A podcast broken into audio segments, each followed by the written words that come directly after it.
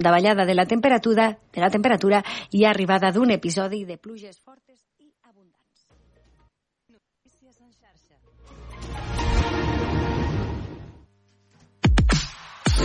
Obert per vacances amb Manel Ferrer. Seguim endavant 10 i 4, seguim a l'Obert per vacances.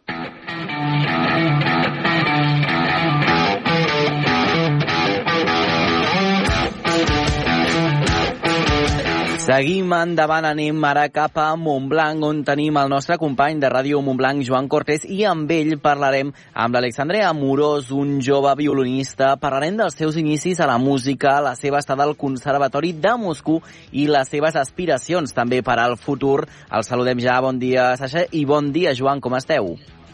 Bon dia, molt bé. I vosaltres? Molt bé, amb ganes de conèixer-vos i també doncs, de parlar de música. Per començar per algun lloc, eh, Alexandre, Xaixa, et direm també així, eh, com va sorgir el teu interès per al món de la música? Quan va començar tot plegat?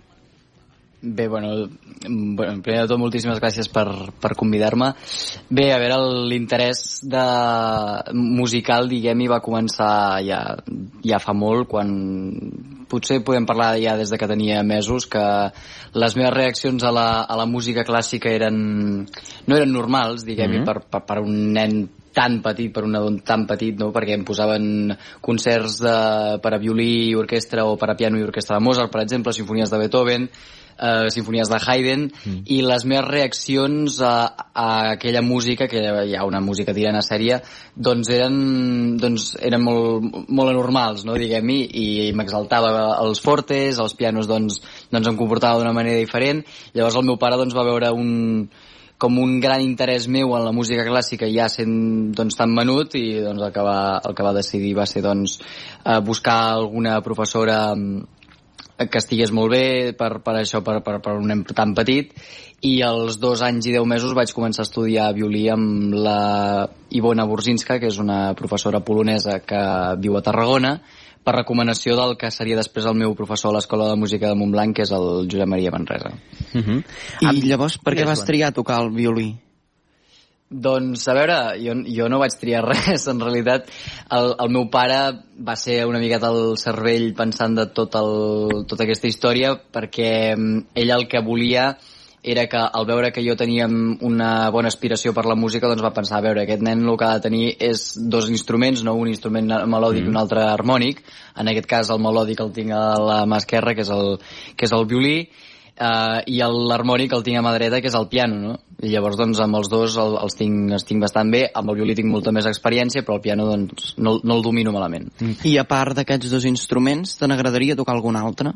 M'agradaria, no, a veure, toco com a afició l'orga, Uh, ara, per exemple, a Moscou, que és on estic estudiant, tinc, tindré com a optativa la, la càtedra d'orga també. És, em sembla un Carai. instrument molt, molt, molt interessant, molt, molt complet. Uh, pots fer moltes coses amb ell eh, i a part és un instrument complicat eh, per temes de sincronització, per, home, perquè has de tocar amb els peus i amb les mans alhora, és, home, és un instrument difícil però molt, molt, molt interessant, sí, sí. Mm. I ens podries explicar com va ser la teva infància? La música va tenir un primer pla o estava més en segon lloc i vas...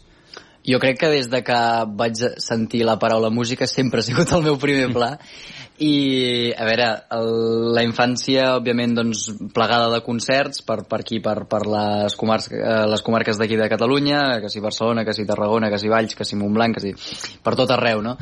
i a veure, doncs clar eh, també la infància molt marcada per, per viatges que anàvem des de Montblanc fins a Vilaseca per anar allà a estudiar al conservatori que és on hi vaig anar abans d'anar al de Moscou i a veure, dins del món musical sempre, d'aquí de Catalunya, sempre ha sigut molt ben tractat, eh, excluint de temes no musicals. Parlo només del, del, del tema musical que sí, sí, sempre, sempre vaig ser molt ben acollit i mm -hmm. molt i, no sé, molt, molt respectat. Sasha, una pregunta que tenia també, perquè ens explicaves una mica com havia estat també la teva infància, ens explicaves, doncs, lògicament, que eh, molt diferent, no?, una, una infància, eh, doncs, eh, normal o, o més comú. Eh, com viu un, un nen petit en un món que podríem dir gairebé d'adults, perquè entenc que els teus companys, molts d'ells eren persones eh, grans, com, com, quins records tens d'això d'interactuar amb gent molt més gran que tu?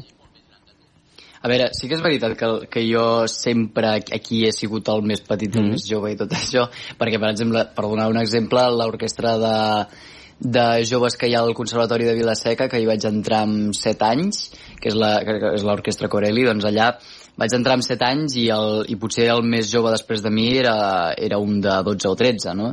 Llavors, doncs, eh, a veure, primer òbviament és una miqueta és una miqueta raro perquè al final doncs ells ja són gent més madura i tot això però jo crec que al final conviure amb gent que també és molt més gran que tu pots anar aprenent molt d'ells perquè tenen més vida viscuda no?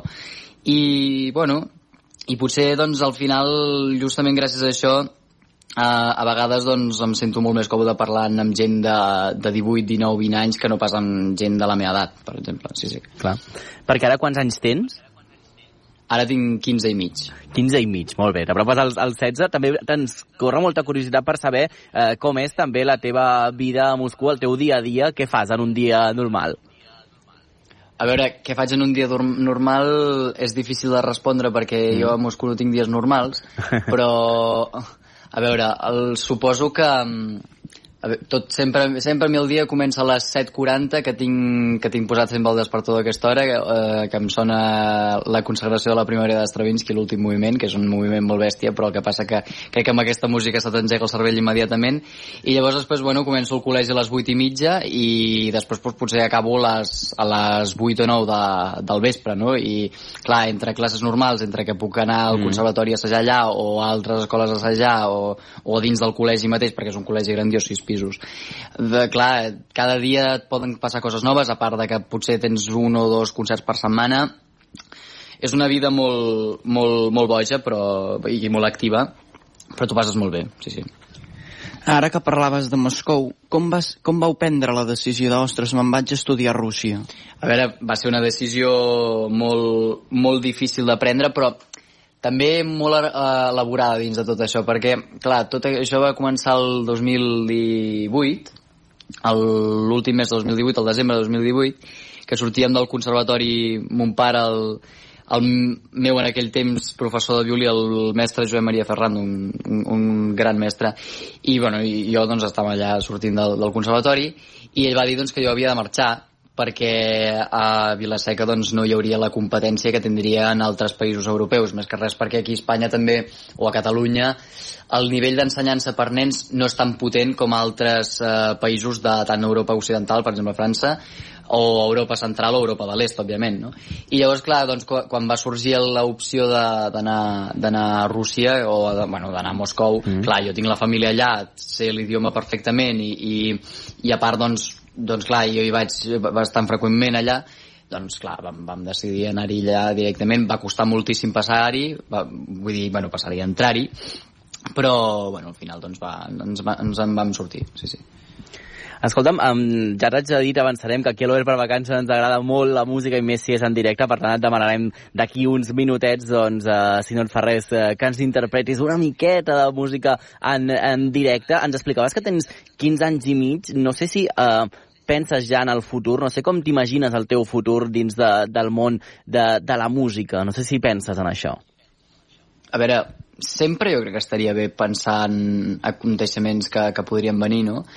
I jo el que, clar, ara, ara estaria estudiant allà el, el, el que seria el vuitè curs a, a Moscou i n'hi ha 11, o sigui que em queden 4 anys, Clar. no? Llavors, doncs, a, a, quan acabi aquests 4 anys, suposo que, clar, el, amb el tema que- aquest entre, entre les guerres i tot això està molt calent, no podré tenir doble nacionalitat, que és el que tinc ara, llavors doncs hauré de deixar la nacionalitat russa, seré, seré només espanyol i podré estar dins de la Unió Europea tranquil·lament i podré estudiar doncs a, a qualsevol lloc d'aquests i a veure, jo crec que clar, jo sempre he tingut una grandíssima passió per la direcció, o sigui, és més, aquestes el que he dit abans, no? jo quan tenia mesos les meves reaccions aquelles eren com de, com de director d'orquestra, no?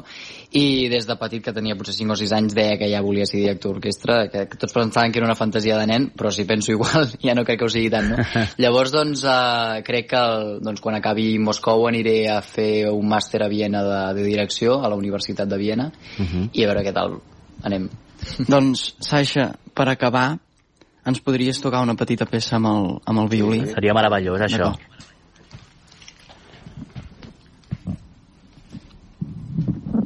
Agafa posició, eh? Està agafant posició per interpretar aquesta petita peça.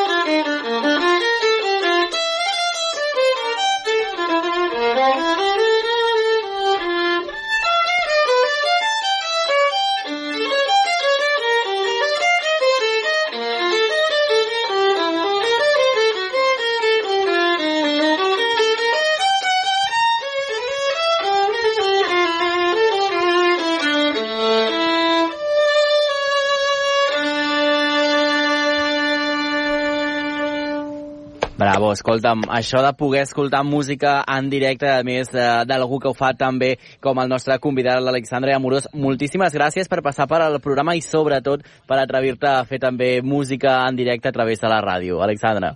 Ah, no, per mi, per mi un gust, moltíssimes gràcies. Moltes gràcies, que vagi molt bé, et seguirem ben de prop i gràcies també al nostre company Joan Cortés per acompanyar-nos en aquesta conversa. A vosaltres. Que vagi molt bé, fins la propera. Gràcies. Adeu, Adeu. fins la propera. Adeu. Obert per vacances amb Manel Ferrer. Passa un minut d'un quart d'onze del matí. La ruta que us proposem avui al viatget és per endinsar-nos de ple al Delta de l'Ebre, en concret al municipi de Sant Jaume d'Enveja. Allà podrem gaudir sobretot de la natura, allà on el riu arriba al mar i els arrossars dibuixen un paisatge verd durant l'estiu. També descobrirem la cultura del Delta i la gastronomia típica, tot amb una ruta en bicicleta apta per a tota la família. Ens hi acompanya Dani Camacho, el company d'Enveja Ràdio. El nostre recorregut per Sant Jaume d'Enveja començarà al pont Lo Passador, que creua el riu Ebre al seu pas pels municipis de Deltebre i Sant Jaume, i que s'ha convertit en un dels grans actius del Delta de l'Ebre per la seva arquitectura, però també perquè fa de mirador privilegiat sobre el riu Ebre. Lo meu riu és verd i blau i fa una curva suau quan creua la ribera.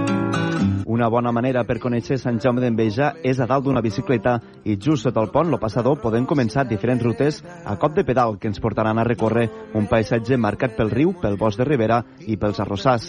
Ima Magrinyà, tècnica de turisme de Sant Jaume d'Enveja, ens proposa l'anomenada Ruta 10, que ens portarà fins als Montells i fins a la platja. Una ruta circular de 20 quilòmetres, 2 hores de durada i nivell 0 de dificultat. Va del poble de Sant Jaume d'Enveja fins a la platja dels Eucaliptus i permet descobrir en bicicleta algun dels millors paisatges del Delta de l'Ebre.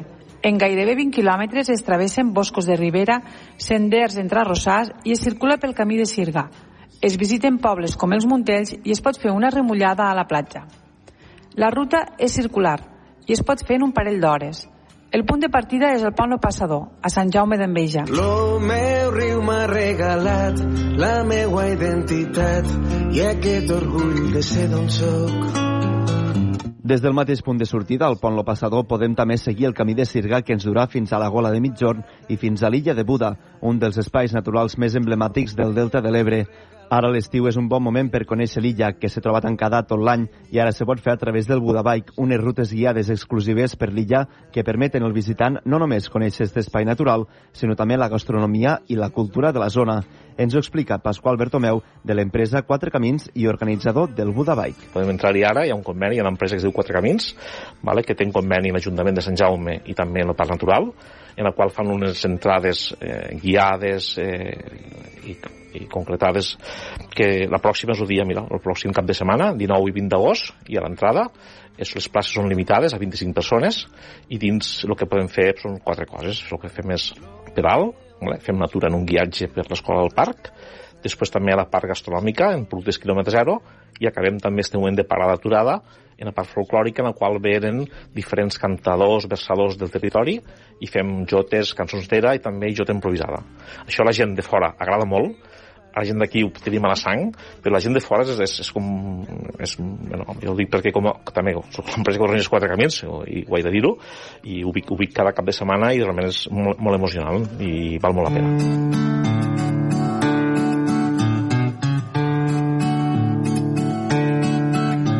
Les entranyes de la pàtria abraçades pel gran riu formaren arran de mar, s'hermosura i son joliu. Abraçada així per l'Ebre, besant un mar ple d'amor, baix d'un blau de cel que és glòria, estabuda, lo gran tresor un dels atractius de Sant Jaume d'Enveja són les platges gairebé desertes de Mitjorn, Serralló i la Platjola. El mateix Bertomeu ens explica la platja de Mitjorn, on també s'hi poden fer activitats amb caiac. I destacaria moltíssim la platja del Mitjorn, molt recomanable. Avui en dia està, està molt ben cuidada, fa goig. Esta platja del Mitjorn té un costat el que és la gola del riu, Mitjorn, en la qual allí ha fa final d'activitats aquàtiques en caiac. És un lloc des de, per poder sortir o arribar és un punt molt important. La platja està molt ben cuidada, senyalitzada per aparcar els cotxes també i té un xiriquito vinculat. Per tant, molt recomanable anar a la platja del Minxor. Una jornada a Sant Jaume d'Enveja també d'incloure la visita al Centre d'Interpretació de les Barraques i a la barraca museïtzada que hi ha allà mateix. El centre d'interpretació de les barraques està dins del nucli de Sant Jaume i podreu veure maquetes d'antigues barraques, fotografies, saber com es feien i quina mena d'usos tenien i apropar-vos a un sistema de vida totalment adaptat a l'entorn. També hi trobareu una barraca construïda de la manera tradicional on podeu reviure la història i conèixer de primera mà com eren les barraques, els mobles, els èstrims i els seus costums. Per poder visitar el centre heu de demanar cita prèvia trucant al 977 46 81 65 amb horari d'oficina de 10 a 2. I si esteu a Sant Jaume d'Enveja heu de tastar també la gastronomia típica del Delta, arròs, anguila, musclos i ostres. A la web de turisme de l'Ajuntament de Sant Jaume hi trobareu totes les opcions, però hi destaquen per tradició dos restaurants, Lo Racó del Riu, a peu del Pont Lo Passador, i Ida Can Machino, als Montells.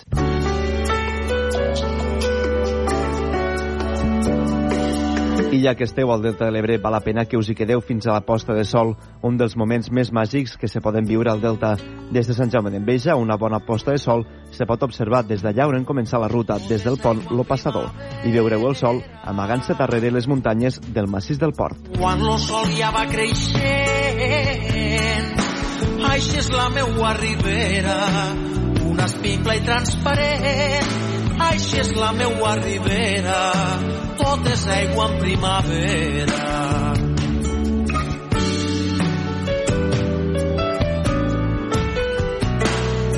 Tot un camp verd a l'estiu, esperança i alegria, és un cant per al meu riu, és quan més llarg està el dia, és un cant per al meu riu, tot un camp verd a l'estiu.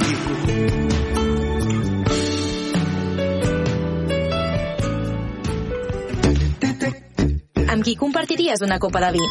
Digue'ns-ho en una nota de veu al 628 841 055 i podràs guanyar dues ampolles de vi dins del nostre sorteig dels Premis Binari.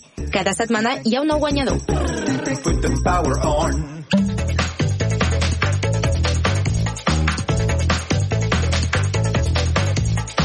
10.23, falten 7 minuts per arribar a dos quarts d'onze del matí i tornem a anar cap a Vic a cercar el nostre company Eudal Puig. Bon dia, Eudal, de nou. On estàs?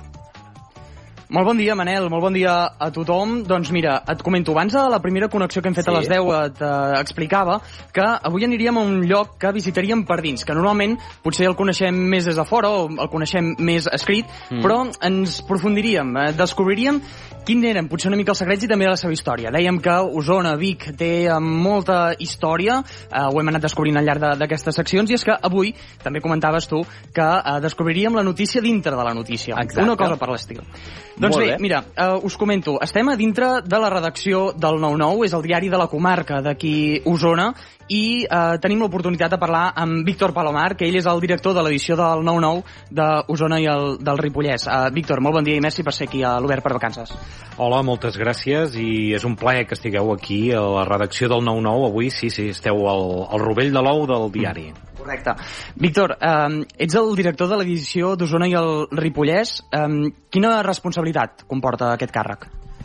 Home, doncs a mi personalment molta i és una, una posició doncs, que, que, que m'omple d'orgull també perquè jo vaig començar des de molt jove, mentre estudiava, doncs, començant a col·laborar aquí al 9-9, fent l'aposta aquesta per al periodisme de proximitat i després de tenir l'oportunitat doncs, de treballar o en un mitjà generalista a Barcelona o doncs, com molts altres professionals van fer l'aposta aquesta per, per un periodisme de proximitat.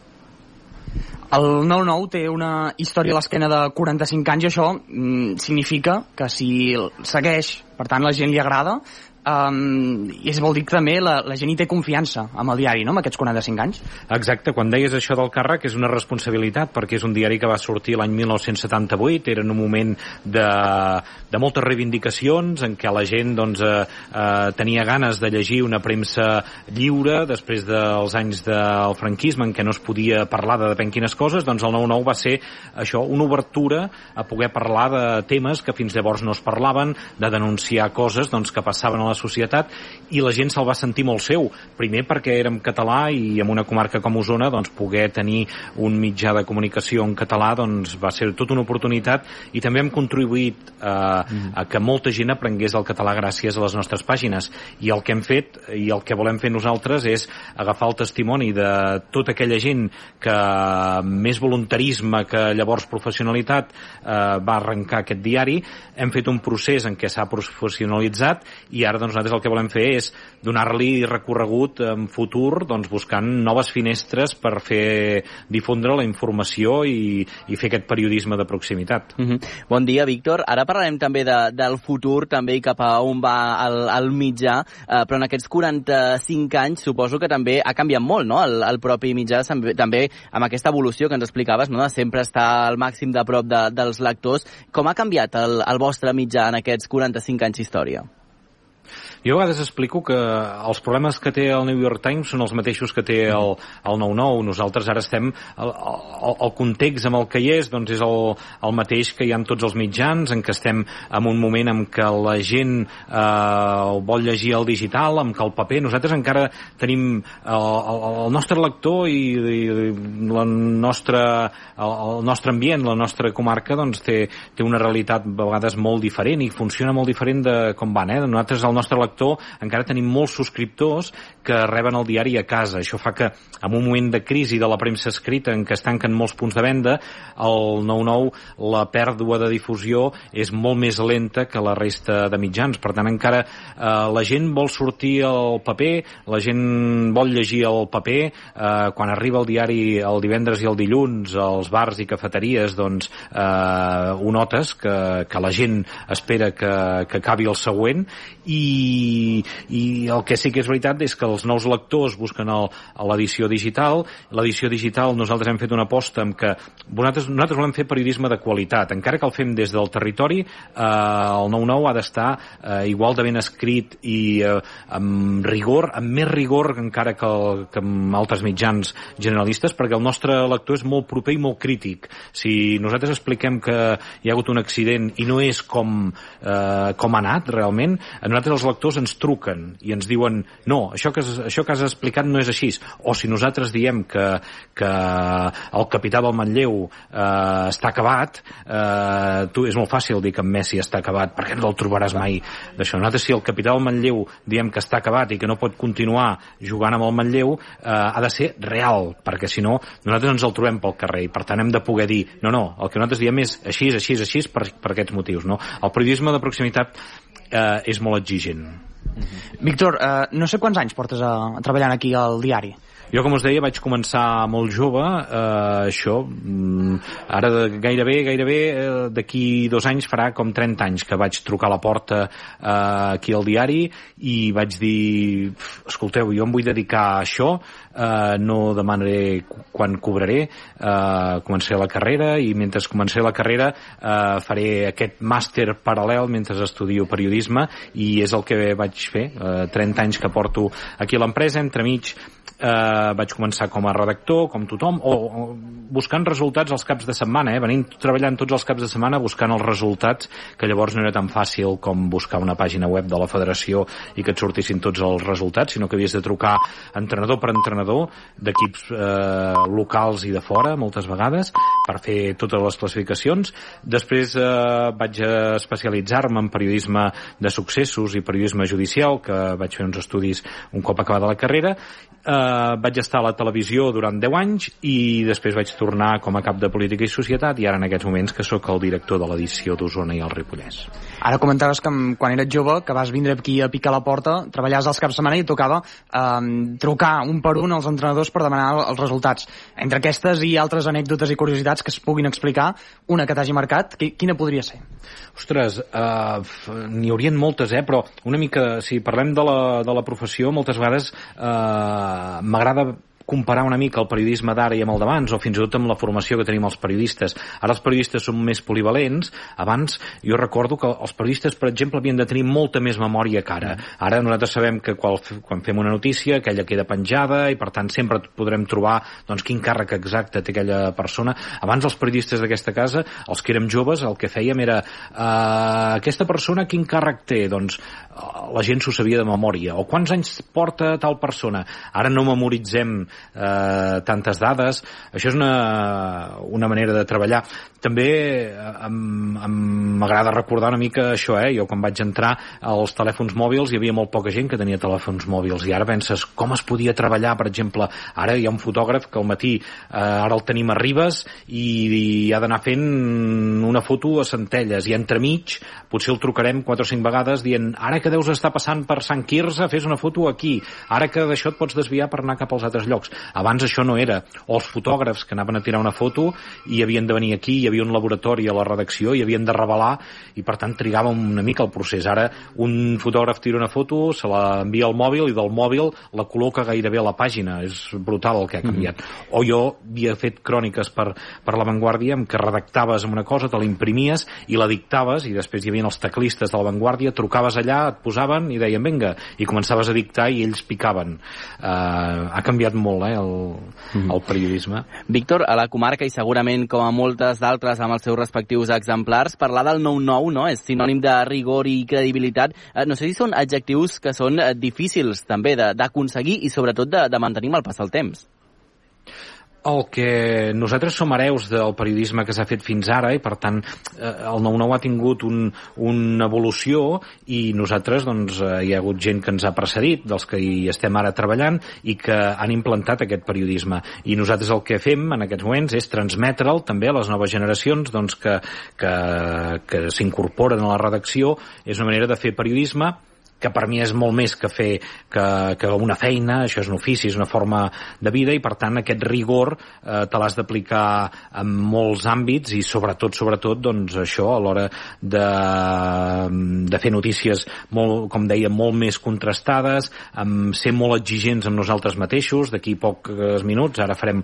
la reunió per preparar la propera edició i repassarem com ha sigut l'edició d'aquesta setmana, quins errors hi han hagut, eh, què és el que no podem repetir i som molt crítics crítics amb nosaltres mateixos per, per millorar. Eh, això, com deia, eh, que eh, hi ha gent que té la imatge aquesta, doncs eh, el, el país, l'avantguàrdia han de ser molt rigorosos. No, no, els que hem de ser molt rigorosos som els, els que fem periodisme de proximitat, perquè tenim aquesta proximitat amb les fonts, perquè els testimonis de les notícies ens llegeixen i, i som molt exigents amb nosaltres mateixos. Per tant, no ens podem deixar passar cap error. Jo sempre dic que la credibilitat, la credibilitat te la guanyes amb el titular de portada, des del titular de portada fins a l'últim breu o amb un resultat a les pàgines de les classificacions d'esports. Tu, tu, Víctor, ho has dit ara en un moment de, de l'entrevista, que eh, el 9-9 surt en dues ocasions al llarg de la setmana, per qui no ho sapigueu, eh, surt els dilluns i els divendres, ara que és l'agost, eh, surten una única vegada a la setmana, però eh, tot i així és un diari bisetmanal, eh?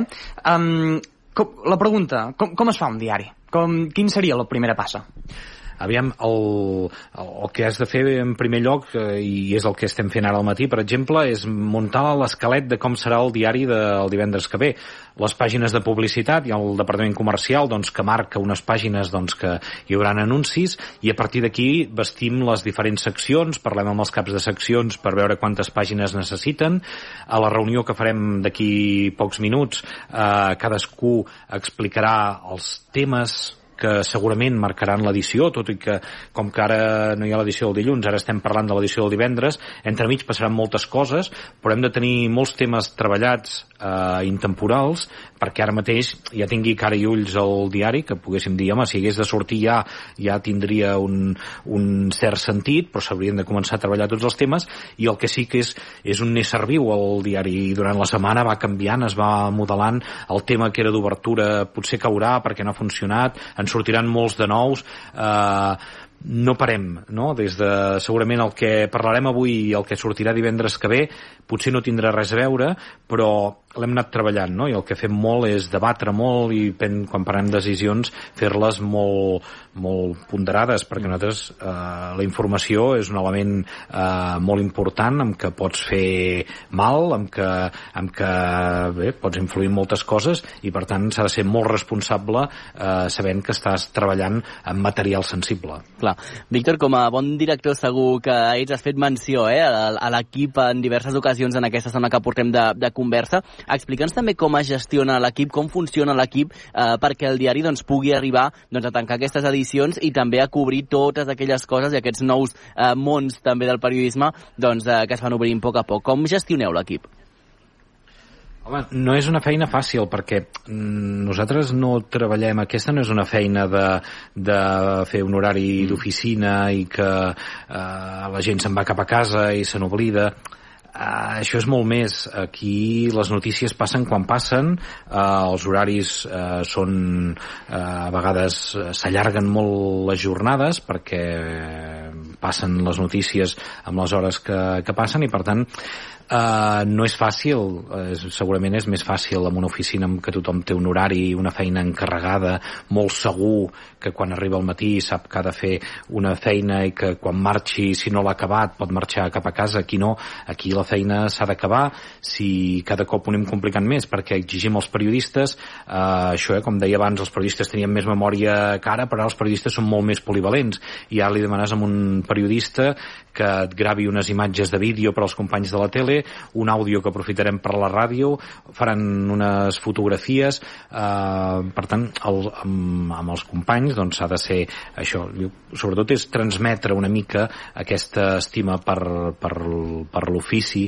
és el que jo com a director intento moltes vegades no? d'intentar transmetre això i hi ha gent que es queda pel camí perquè no tothom li ha d'agradar o to no tothom que comença amb aquesta feina doncs acaba sent eh, el que a ell li agrada o hi ha etapes de la vida doncs, que, que tens ganes de viure amb aquesta, amb aquesta onada amb què passen notícies i, i vius amb l'adrenalina dalt de tot i, i no et fa res dedicar-hi més hores i en altres etapes de la vida que dius ostres, doncs jo preferiria tenir un horari Clar. i quan surto d'aquí oblidar-me'n de tot uh -huh. uh, Víctor, ho parlàvem al principi 45 anys, els esteu celebrant d'alguna manera i el més important, se n'esperen 45 més, quin és el futur uh, que té el mitjà i també el món del periodisme local?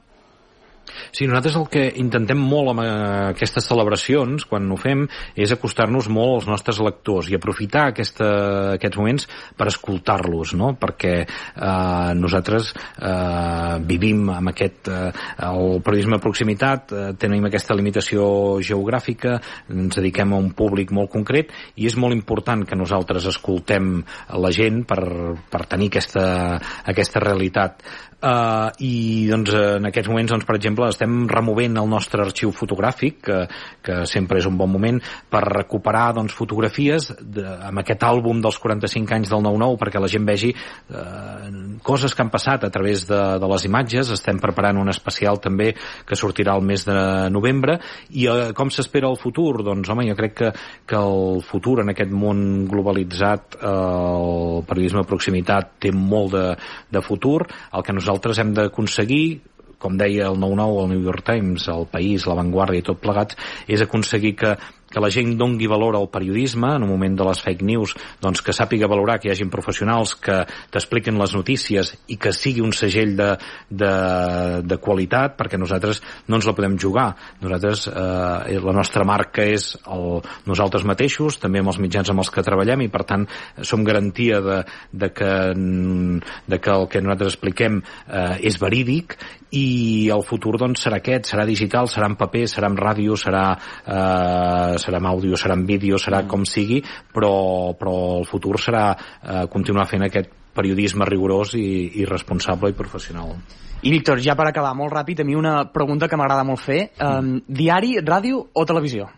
Ostres, jo he fet de tot i, i m'agrada tot. En aquests moments faig més escrit eh, el, el diari a la web, però amb la tele quan m'hi vaig posar m'hi vaig posar molt en sèrio i el, el que és important és que quan ho facis ho visquis no? i jo he viscut la tele amb molta intensitat i vaig intentar aprendre'm moltíssim i volia ser el que més en sabia uh, quan vaig fer ràdio doncs vaig intentar fer el mateix i amb, a la web i amb el paper el, el, a mi el que m'agrada és comunicar i explicar històries i explicar, explicar coses. El mitjà are t'hi has d'adaptar i crec que tots som bons i crec que estaria molt bé que no ens limitéssim els periodistes. Oh, i tant. Doncs Víctor Palomar, eh, director de l'edició del 9-9 d'Osona i el Ripollès, moltes gràcies per ser aquí amb nosaltres, Albert, per vacances. I Manel i companyia, jo ja us deixo aquí, és vaig uns dies de, de vacances i un honor, de debò, poder compartir aquestes estones en directe de ràdio, un mitjà que a mi m'agrada molt, eh, compartim-lo amb vosaltres i, i estan aquí, acompanyat de molt bon equip, això sí. El plaer ha estat nostre i aprofitant que està també el, el Víctor, eh, com un dels de teus eh, caps, parlem també del, del Miquel i de l'Eudal, eh, gràcies també per la feina que heu fet i per ensenyar-nos també, obrir-nos aquesta finestra o una porta directament a, a Vic i Rodalies i gràcies per la feina que heu fet, que l'heu fet molt, molt bé. Gràcies als dos, fins la propera. Adéu, vagi bé. Que vagi bé. Gràcies.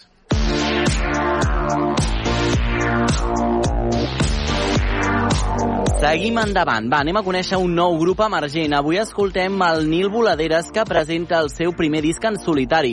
Ho fa amb la companya Sara Cabrera de Ràdio Sant Vicenç.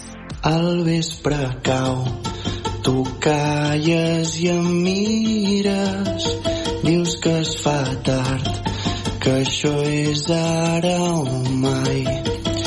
Setembre en blanc i una nota buida, vull fer una cançó, però no sé cantar. Nil Voladeres Andreu té 30 anys i acumula experiència en el panorama musical local i de la comarca. El Vicentí ha format part de bandes com Trast, La Barraca o Chicato.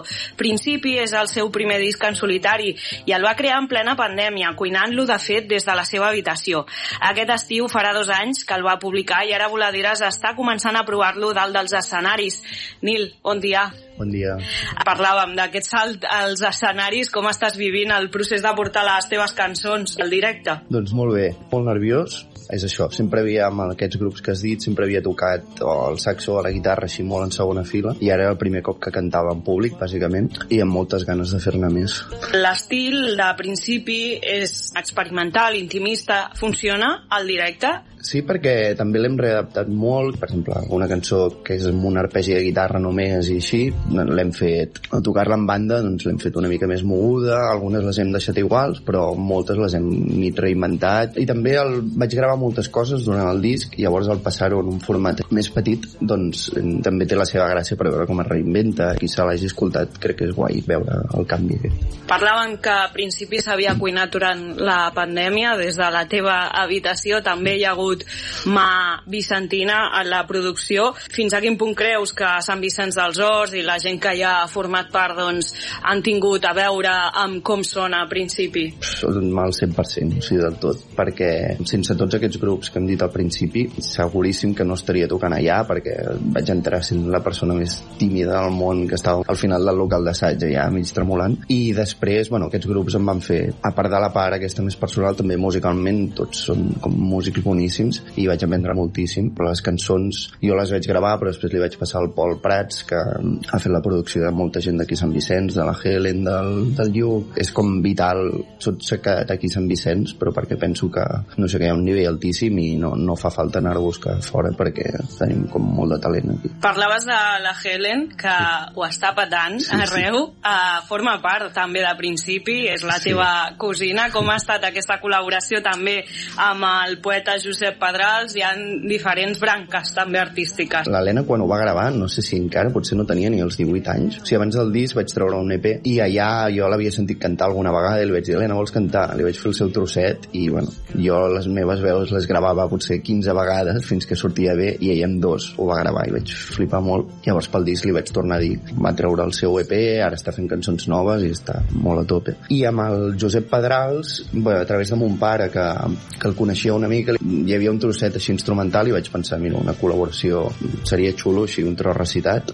També he de dir que, eh, això no sé si s'explica, però vaig preguntar a moltíssima gent, això que passa quan no ets ningú, i molta gent em va dir que no, i llavors agrair-li al Josep Pedrals perquè està bé també fer coses per gent que té 100 oients mensuals a l'Spotify. Incidint una mica més en referents, quins diries que a nivell musical doncs, han influït en la teva manera doncs, de plantejar la música, les lletres, el so? Sobretot de gent que m'agrada i noto que, que he escoltat molt. Per exemple, crec que el meu estil s'engloba molt en aquesta cosa de Pau Baibé, Ferran Palau, que ja era així com més intimista. I segurament el Pau Baibé va ser el que em va fer...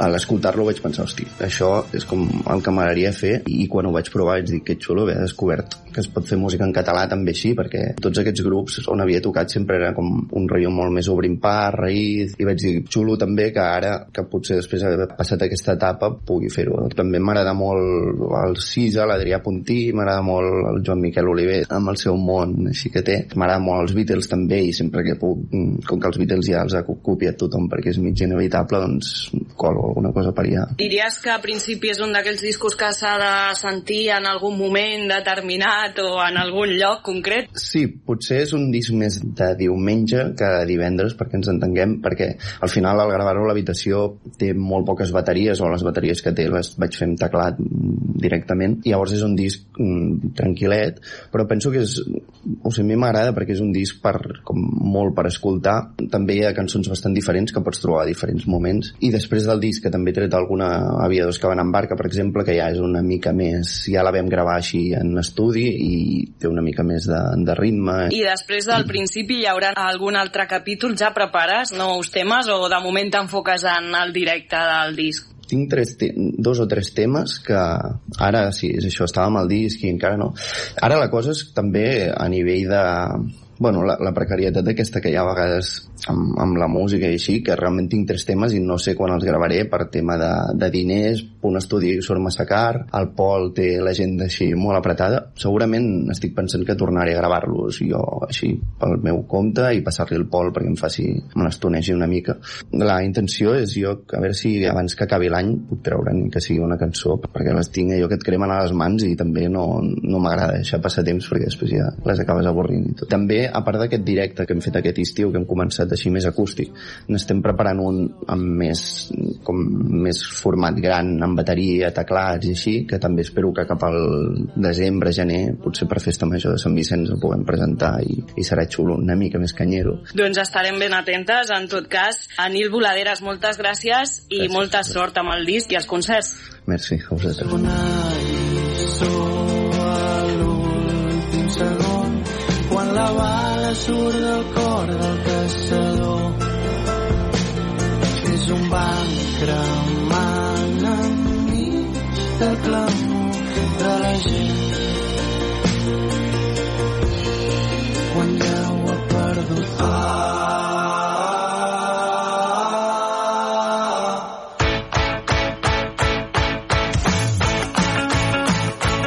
12 minuts per arribar al punt de les 11 del matí. És el moment de començar a fer l'agenda. És divendres i el cos ho sap. Per sort tenim amb nosaltres a l'Àlex Riba perquè ens apropi les activitats culturals més destacades al cap de setmana. Molt bon dia, Àlex. Bon dia, Manel. Mira, et porto dues megapropostes perquè passis un gran cap de setmana. Home, si són megapropostes, segur que són bones. Va, amb quina comencem? Mira, arrenquem amb la Schubertiada de Vilabertran, un festival de música de cambra que es focalitza en les peces de Franz Schubert. Resulta que l'esdeveniment arriba a la seva fi aquest cap de setmana amb un parell de conferències i tres concerts. Aquests es duran a terme en un espai únic, com és l'església de Santa Maria de Vilabertran. El director de la iniciativa, Víctor Medem, explica quina és la singularitat d'aquest festival.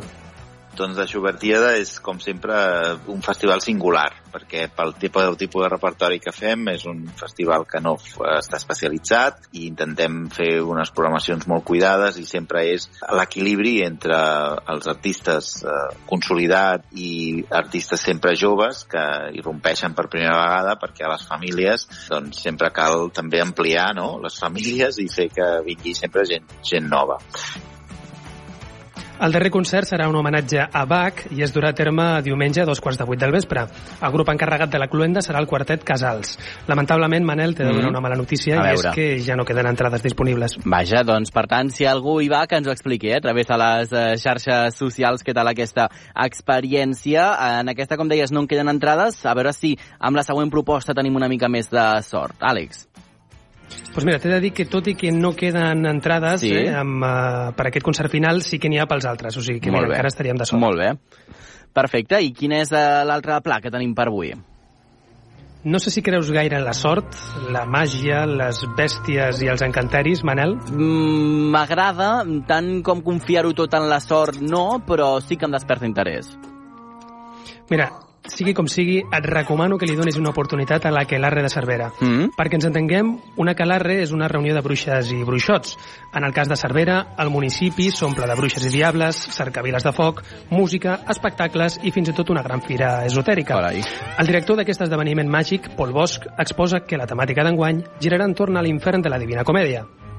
Bueno, la Calarre cada any s'inspira en, en un perfil d'infern diferent, no? Utilitza pues, recursos mitològics o altres recursos per dibuixar un infern. Aquest any ens hem inspirat en l'infern de la Divina Comèdia, l'infern de Dante. Uh, aquest infern, segons proposa Dante, és un infern dividit en nou cercles. Són nou cercles concèntrics on es classifiquen els pecadors segons eh, la gravetat del seu pecat. Jo ja ho he... Um, si no tens suficient amb els Sí. coets, eh, Manel, que sapies que també pots optar per la gran fira esotèrica o els concerts simultanis que tenen lloc cada nit a diferents espais de Cervera. En resum, Manel, es Mhm. tracta d'una festa ben i ben grossa. Home, doncs molt recomanable pel que m'expliques. Eh, moltes gràcies, Àlex, per apropar-nos de nou a aquesta agenda cultural del cap de setmana i que passis tu també un bon cap de setmana. Fins dilluns. Igualment, que fins vagi bé. dilluns. Adéu.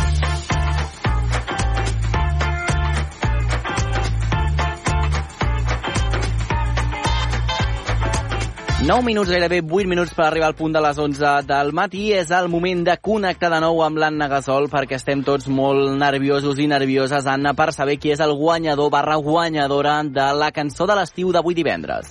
¿Quién será, será, Manel? Qui serà, serà? Home, jo ho tenim tot a punt per fer el que diuen, no?, com a bombo i platillo. Ho fem com sempre, jo dic el número, sona el redoble de tambors i dius el nom del guanyador guanyadora.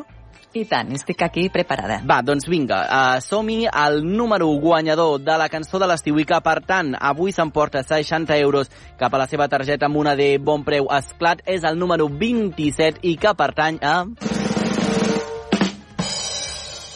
A la Natàlia de Tarragona. Natàlia de Tarragona. A veure si la tenim amb nosaltres. Natàlia, bon dia.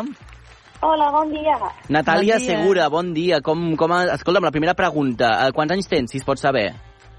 39. 39 anys, perfecte, no et preocupis, jo ja he entrat a la trentena i, bueno, ens, ens acabarem trobant. Natàlia, I jo també sóc aquí, És veritat, i, i l'Anna també és de- de- de- d'aquesta trentena. Amb 36. Exacte, anem pujant a poc a poc, anem pujant a poc a poc. Escolta'm, quina cançó vas escollir? La de Una lágrima cayó en la arena, de Salvador de Gracia. Ah, doncs és meravellosa aquesta cançó. I Natàlia, creus que ens podries cantar la tornada de la cançó una miqueta? Oh, y tal, mira. A veure. Una lágrima cayó en la arena.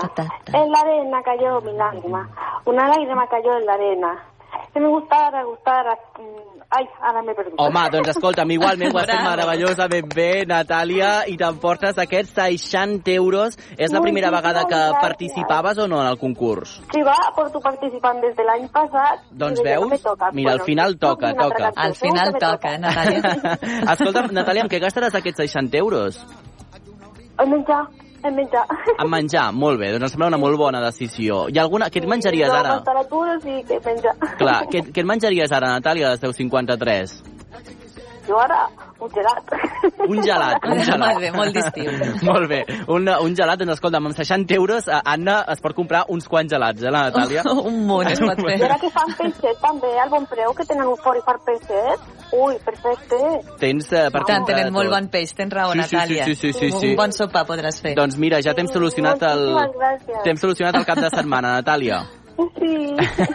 gràcies, i gràcies per escoltar-nos. i molt bon programa i bon estiu. Bon estiu, que vagi molt bé.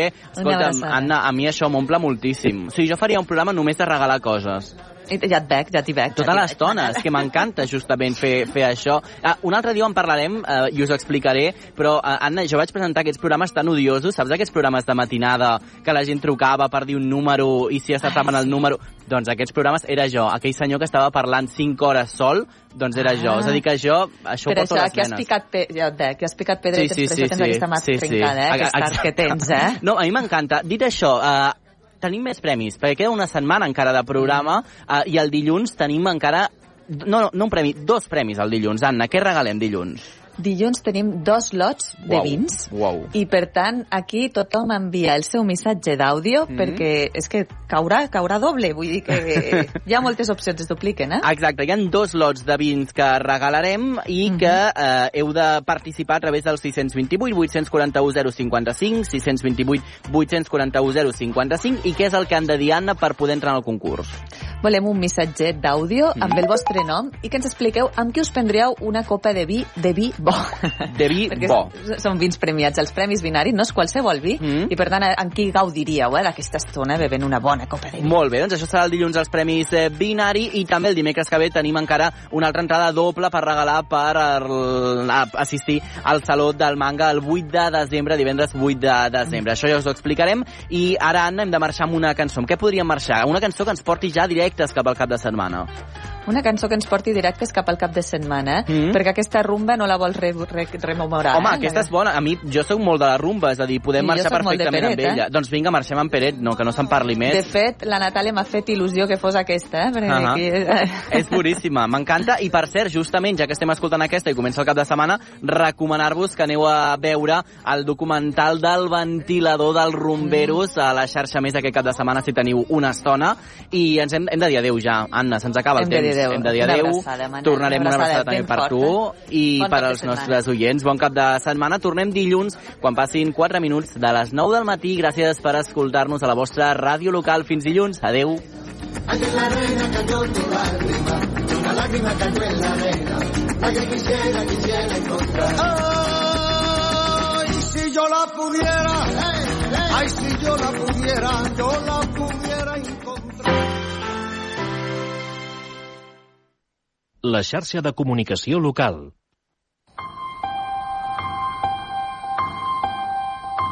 Comença un raig de foc entre la nit a la plaça del Carme, on tothom hi és a dins. Rebenta el nostre cor a mitjanit, la vida ens crida, som els escollits. Venim de fora, però cridem a tu